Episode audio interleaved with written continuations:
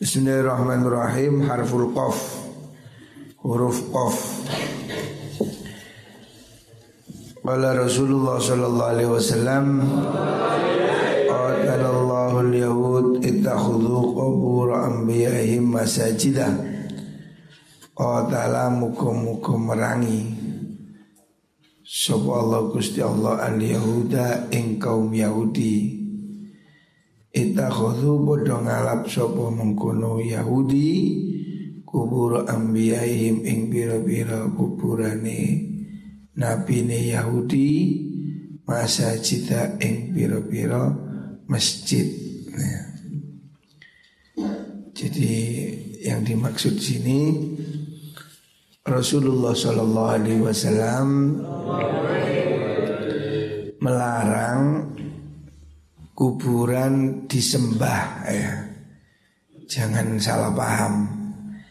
Yang tidak boleh itu kuburan disembah dijadikan masjid ya. Bukan ziarah kubur ya. Ini orang orang wahabrot wahabrot ini salah paham Mengira orang Islam menyembah kuburan Salah Orang Islam tidak boleh dan tidak ada yang menyembah kuburan ziarah kubur itu bukan berarti menyembah kubur lain. Masjid itu tempat sujud, nah, dibuat disembah. Menyembah kuburan tidak boleh ya.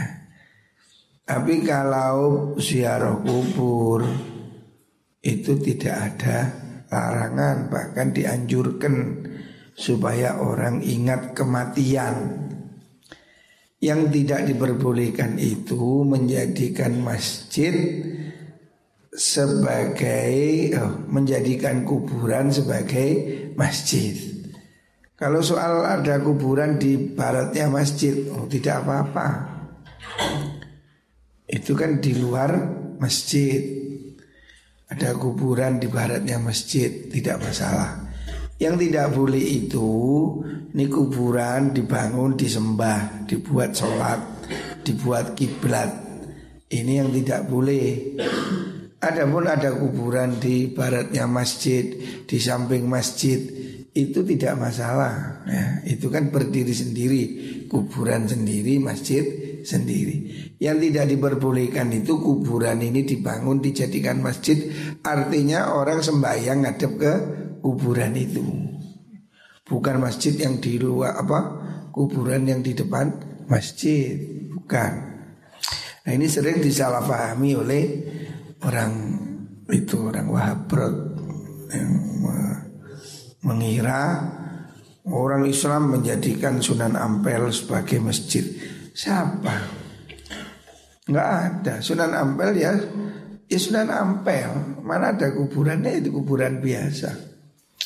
Sholatnya tetap di masjid Jadi tidak tidak menyembah kuburan Ini salah paham Hadisnya sahih Rawal Bukhari wa Muslim Selanjutnya Qatul mu'mini a'zamu innallahi min zawali dunya Qatul mu'mini utawi mateni wong mukmin Iku a'zamu luwi agung indallahi munggu Allah min zawali dunia saking ilangi dunia Rawahun Nasai. Maksudnya Membunuh orang mukmin itu suatu dosa besar. Jangan sekali-kali menghalalkan pembunuhan Bahkan seakan-akan digambarkan Besarnya dosanya membunuh orang mukmin itu lebih ringan daripada hilangnya dunia. Jadi begitu besarnya dosa membunuhan, membunuh orang mukmin ya. Sehingga seakan-akan itu seperti menghancurkan seluruh dunia. Jadi menurut Gusti Allah seperti demikian. Artinya hadis ini larangan keras melakukan pembunuhan ya. Tidak boleh membunuh orang mukmin. siapa pun ya. Orang tidak boleh dibunuh tanpa ada kesalahan yang hak ya. Karena itu membunuhnya lebih berat daripada merusak seisi dunia. Rawahun Nasai. Pada dawu Allah taala Allah taala innal jinna situni jin wal insalan menungso iku fi nabain in dalam cerita azimin kang agung. Akhluku dadi akan sapa ingsun ing in ing insual jin. Wayu badulan dan sembah sapa khairi liyane ingsun. Wa arzukulan ana tawe rezeki ingsun Allah wa yushkaru lan den syukuri sapa ghairi liyani ingsun. Nah. Jadi kalau Allah menganggap ini suatu keanehan kalau ada orang menyembah pada selain Gusti Allah Wong yang menciptakan Allah Kok bisa nyembah selain Allah? Wong yang memberi rizki itu Allah Kok bisa bersyukur pada selain Gusti Allah? Itu aneh. Cerita yang aneh. Kenapa mereka sedemikian bodoh? Ada yang menyembah selain Gusti Allah Padahal selain Allah nggak bisa menciptakan apa-apa Hadis Ruwahul Bayhaqi an Abi Darda. Selanjutnya kala dawu sapa Allah taala. Man utai sapani wong iku lam yardo ora ridho sapa man. Bi i kelawan pesten ingsun wa qadari lan tegese pesten ingsun. Falyal ramis mongko becik golei sokoman Golei roban ing pangeran Siwaya kang sakliyane ingsun. Nah Allah meminta kita harus taat dan terima pada takdirnya Gusti Allah. Sebab Allah ini punya kekuasaan mutlak. Kalau kamu nggak terima, kalau kamu nggak mau nerima, nggak rela dengan pastian Allah, ya silahkan cari Tuhan selain Gusti Allah. Artinya Allah mempersilahkan. Lek kon gak gelem manut aku, gak gelem perintah apa mengikuti kehendaknya Gusti Allah, ya wis golek pangeran saliyane Gusti Allah. Carilah Tuhan selain Allah. Artinya ya kamu tidak akan nemu ya. Orang hidup ya harus manut pada kehendak Gusti Allah. Sama dengan orang mondok harus ikut peraturan pondok. Kalau kamu nggak mau ikut peraturan pondok, ya golek pondok liya. Kalau kamu nggak mau ikut aturan NKRI, ya pindah orang Amerika kono. Di mana di situ tempat, di situ ada aturan. Kalau kamu sebagai hamba Allah Ya harus ikut apa yang dikehendaki Gusti Allah Kalau tidak Allah nggak peduli. Golek pangeran liya Nyembah sing liya golek sing liya. Artinya Tuhan tidak mau memperdulikan kamu. Kalau kamu mau jadi hamba Allah Ya terimalah apa yang jadi keputusan Gusti Allah. Kalau kamu mau jadi warga Indonesia ya harus ikut aturan negara Indonesia gak gelem golek negara liya. Rawahul Bihaqi an Anas. Selanjutnya kala dawu sapa Allah taala salah satu ana khusmuhum yaumal qiyamah. Salah satu tai wong telu iku ana utai ingsun iku khusmuhum dadi musuhe talata. Yaumal kiamat ing dalam tino kiamat Ada tiga orang Yang jadi musuh Allah Kelak di hari kiamat. Ada tiga kelompok yang dibenci oleh Gusti Allah. Tiga orang ini dimusuhi Gusti Allah Pada hari kiamat. Pertama rojulun kang wong lanang atau kang paring sapa rojul ni ing ingsun Suma godaro nuli citra sapa mengkono rojul orang yang memberi kemudian berkhianat. Ya. Wa rajulun lan wong lanang ba kang adol sapa rajul khurron ing wong kang merdeka. Fa akala nuli mangan sapa rajul samanahu ing ongkose mengkono khurron niku. Wa rajulun lan wong lanang istajaro kang amrih buruh sapa rajul ajiron ing buruh Fastaufa mongko nuhoni sapa ajir minhu saking wong walam yaktihi lan ora awe sapa wong hi ing ajir ajron ing opah ya. Jadi ada tiga orang yang besok akan sangat dibenci oleh Gusti Allah. Ada tiga orang yang nanti akan dimarahi oleh Gusti Allah. Artinya Allah tidak suka ya. Allah sangat marah kepada tiga orang itu ya. Yang pertama orang yang memberi atas nama Allah kemudian dia berkhianat ya orang yang berkhianat orang yang tidak menepati janji. Yang kedua orang yang menjual orang yang merdeka memperbudak orang yang merdeka. Yang ketiga orang yang tidak mau membayar gaji karyawannya. Orang yang tidak mau baca bayar gaji kulinya ya. Itu golongan yang akan sangat dibenci oleh Gusti Allah. Jadi berkhianat. Orang yang berkhianat Orang yang tidak bisa dipercaya Terus orang yang memperbudak orang merdeka, menjual orang merdeka, yang ketiga orang yang tidak membayar gajinya karyawannya atau buruhnya. Nah, intinya tiga orang ini orang yang menyakiti orang lain, ya.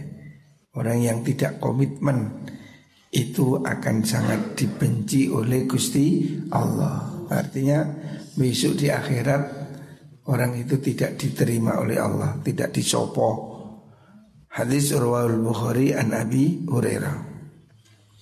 Selanjutnya kala dawu sebuah Allah Ta'ala Satamani ibnu Adam Satamani misawini ing ingsun sopo ibnu Adam Wa mayam bagilan ora sayuk jolau ketu ibnu Adam apa yastumani yen to misui sapa Ibnu Adam ni ing ingsun.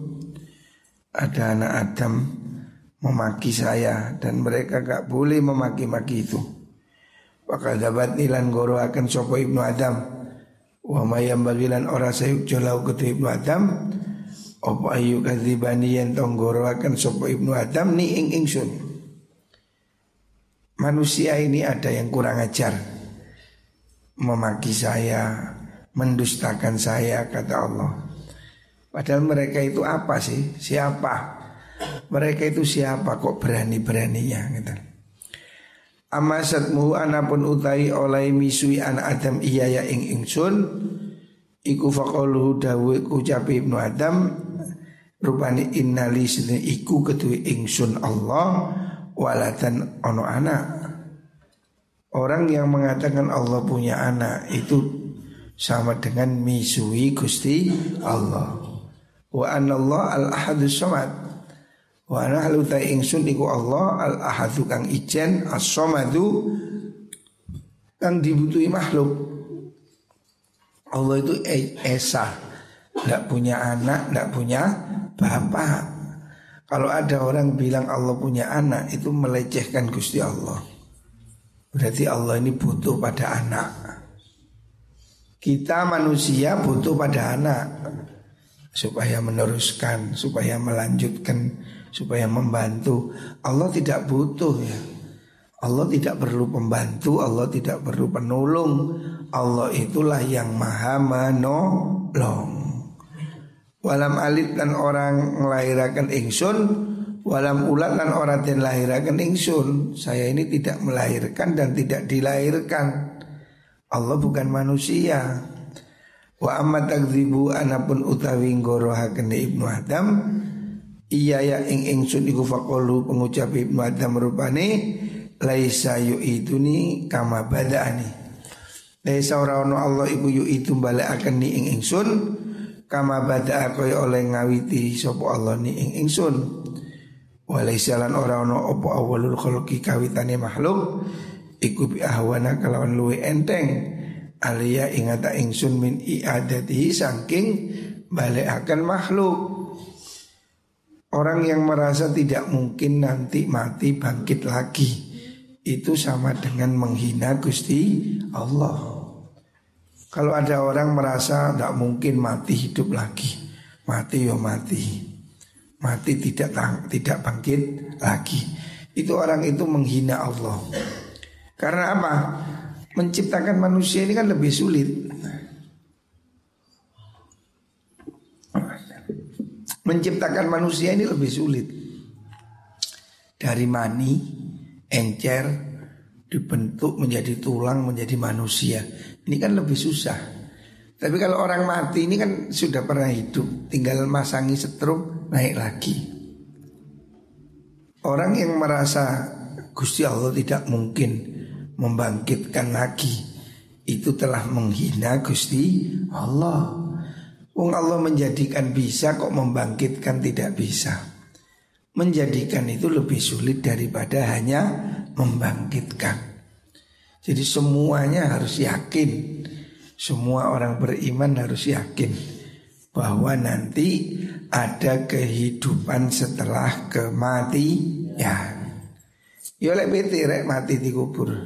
Selesai Kucing mati kubur selesai Manusia Ini percaya Harus percaya Kita ini setelah mati Akan dibangunkan Nanti pada hari kiamat Semua dibangkitkan Semua di Dibangunkan Terus kita akan memasuki fase-fase di mana berkumpul di padang mahsyar. Terus kita akan menghadapi pengadilannya Gusti Allah. Ada pengadilan ya. Pengadilan yang maha adil. Dari situ kemudian ada dua pilihan masuk surga atau neraka. Kita-kita yang beriman ini iman yang penting harus tetap ada ya. Muka-muka meskipun banyak dosa diampuni oleh Gusti Allah. Itu yang diharapkan. Tapi pasti kehidupan setelah mati itu ada. Semua agama samawi meyakini itu. Semua orang setelah hidup mati akan dihidupkan lagi. Di situlah akan ada perhitungan. Dan ada perhitungan kemudian ada pengelompokan jalan ke surga ataupun jalan ke neraka. Nah kita yang ingin masuk surga, ya siap-siap Kalau kamu ingin masuk surga, bersiaplah menuju surga. Amalannya disiapkan. Yang kalau mau masuk neraka ya pilihin dewi sakarepmu. Ya. Kalau kamu siap masuk neraka. Muka-muka kabeh melebu suarga. Kala dawu sapa Allah taala A'datu nyawisaken ingsun Nyiapaken ingsun Di ibadi maring piro-piro kawulo ingsun As-solihina piro-piro kang soleh Tak siap noma ing perkara Lainun kang ora ono ta mripat iku roat ningali sapa ainun wala udhunun lan ora ono ta kuping iku samiat lau ngrungu apa udhun wala khodoro lan ora no kerentek iku maujud ala qalbi basyarin ing atase atine menungso Allah sudah menyiapkan untuk hambanya yang bagus orang-orang yang soleh orang-orang yang hidupnya baik, Allah sudah menyiapkan surga yang belum pernah dilihat oleh mata, belum pernah didengar telinga, belum pernah terlintas di hati manusia. Istimewa sekali. Di surga ini di luar apa yang kamu impikan. Keindahannya itu tidak ada bayangannya. Ya, luar biasa. Tidak bisa dibandingkan dengan dunia. Pasti ada kehidupan akhirat ini pasti ya. Semua orang harus meyakini ada kehidupan akhirat. Ada pembalasan, ada perhitungan ya. Kita semua harus percaya. Semuanya nanti akan diperhitungkan dan diadili oleh Gusti Allah. Mugo-mugo amalan kita ini lebih banyak yang baik supaya kita ini diampuni ya. Kalau ada kurang sedikit-sedikit bisa diampuni oleh Gusti Allah. Tapi kalau dosanya banyak, wah ya berat ya. Berat sekali ya. Jadi ini harus ada keyakinan pada hati semua orang bahwa semua kita ini setelah hidup setelah hidup mati setelah mati akan hidup lagi. Ini pasti kalau enggak yo kenaan sing zolim zolim itu. Orang yang di dunia berbuat jahat kalau tidak ada balasan di dunia di mana dia dibalas? Jadi akhirat itu ya pasti ada balasan. Tetapi juga ada lagi yang kita harapkan syafaat dari Rasulullah Sallallahu Alaihi Wasallam. Kita harus yakin adanya syafaat. Mangkani perbanyaklah membaca sholawat. Neng meneng urek mojo sholawat. Setiap hari dicicil ya. Kalau bisa sehari itu baca sholawat seribu. Sallallahu ala Muhammad, sallallahu ala Muhammad, sallallahu ala Muhammad. Seribu. Kalau kamu tidak bisa seribu ya berapa yang kamu mampu. Semakin banyak kamu baca sholawat Akan semakin dekat posisimu besok Dengan Nabi Muhammad Sallallahu Alaihi Wasallam. Kalau orang tidak mau baca sholawat Besok tidak dikenal oleh kanjeng Nabi. Jauh sampai rek. Wasengkut orang kanjeng Nabi gak direken. Sopo kan Kulo Nabi itu Oh gak kenal. Waduh Celaka. Kalau sampai tidak dikenal oleh kanjeng Nabi Alamat celaka Siapa lagi yang bisa nulung Jangan sampai kita nanti ketemu Nabi Nabi melengos Sopo kan Aduh Alangkah celakanya ya Lah supaya kita dikenal kanjeng Nabi Nabi tidak pernah ketemu kita Tapi Nabi akan mengenali kita dengan semakin banyak kita membaca sholawat pada kanjeng Nabi. Makanya sholawatan yang sergap, terutama hari Jumat. Ini kan hari Jumat ya. Hari Jumat nanti kalau di Lirboyo jam 11 semuanya sudah di masjid baca sholawat. Sallallahu ala Muhammad, sallallahu ala Muhammad, sallallahu ala Muhammad. 10 ribu. Di Lirboyo itu jam 11 Kalau di Lirboyo kan Jumatannya jam 12 wis mulai jam 11 sudah kiai sudah ke masjid baca sholawat sholawat ala Muhammad sholawat ala nanti supaya begitu jam 11 supaya mulai sholawat ala Muhammad sholawat ala Muhammad. Usahakan hari Jumat ini banyak baca sholawat. Kebaikannya ini tidak terkira. Sholawat ala Muhammad sholawat ala Muhammad. Jadi sebelum Jumatan baca sholawat. Termasuk Jumat sore. Jumat sore setelah asar itu juga sempatkan baca sholawat. Minimal 80 kali baca sholawat. Boleh panjang, boleh pendek. Tapi kamu harus meyakini ya, Sholawat ini salah satu cara kita memohon syafaat dari Nabi Muhammad SAW. Ini yang kita harapkan. Karena amalan kita ini kalau diajukan itu piro Saya sendiri merasa sangat tidak optimis. Seandainya dihitung nanti di depan Allah kebaikan kita itu berapa? Sholat kita berapa, puasa kita berapa, dosa kita berapa? Sepertinya nggak nutut ya. Maka harapan yang besar, harapan kita ini yaitu pertolongannya kanjeng Nabi. Kalau kita banyak baca sholawat, maka kita akan ditolong oleh Nabi Muhammad Sallallahu Alaihi Wasallam. Makanya saya minta setiap hari baca sholawat. Kalau bisa seribu, Sallallahu Alaihi Muhammad, Sallallahu Alaihi Muhammad, Sallallahu Alaihi Muhammad, seribu. Makanya itu kuota SP, kuota SP lima ribu. Sallallahu Alaihi Muhammad, Sallallahu. Atau kamu cicil Sholawat ini berapapun tidak ada overdosis Berapapun semakin banyak semakin baik Dulu saya punya tetangga itu satu hari dia katanya membaca sholawat sekian ratus ribu Itu oleh Allah diberi ke kelebihan. Jadi dia itu punya feeling yang kuat Jadi kayak tembus pandang gitu Karena dia ahli sholawat Dan dia baca sholawatnya nggak tahu berapa, pokoknya banyak sekali, mungkin ratusan ribu, mungkin jutaan. Jadi dia sholawat, sholawat, sholawat. Sholawat itu semakin banyak, semakin baik. Kamu bisa juga mengamalkan sholawat dalail. Kalau mau yang lebih khusus itu baca dalail, kitab dalail, sholawat dalail. Kalau tidak, ya kalau yang mau gampang ya sallallahu alaihi Muhammad, sallallahu alaihi Muhammad.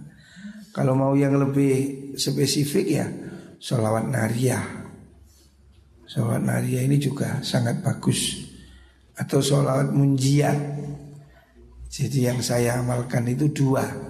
Sholawat Nariyah dan sholawat Munjiat.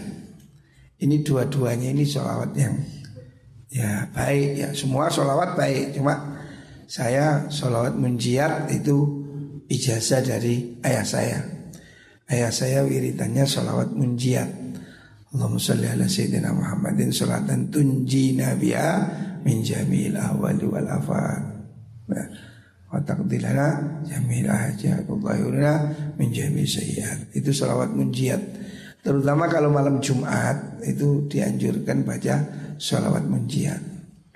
Salawat naria dari kiai saya Salawat naria Dua-duanya ini saya merasa berkah sekali ya. Salawat nariyah dan salawat munjiat Ini sangat berfaedah. Kalau ada hajat, ada penting Itu sudah Salawat munjiat atau salawat nariyah.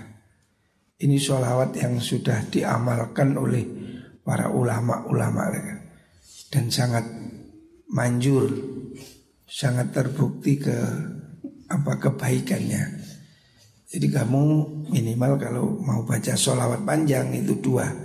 Sholawat nariyah dan sholawat munjiat Kalau mau yang lain juga boleh ada sholawat fatih, sholawat ibrahimi, sholawat badawi Wah sholawat syabdul qadir jilani, sholawat Ada banyak macam sholawat ya. Kalau mau dibaca semua ya boleh. Kalau mau ringkas ya saya wiritannya dua itu. Sholawat munjiat dan sholawat nariyah. Sholawat nariyah pada sholat sebelas kali Sholawat munjiat ya dibaca setiap pada sholat sebagai doa. Sholawat munjiat.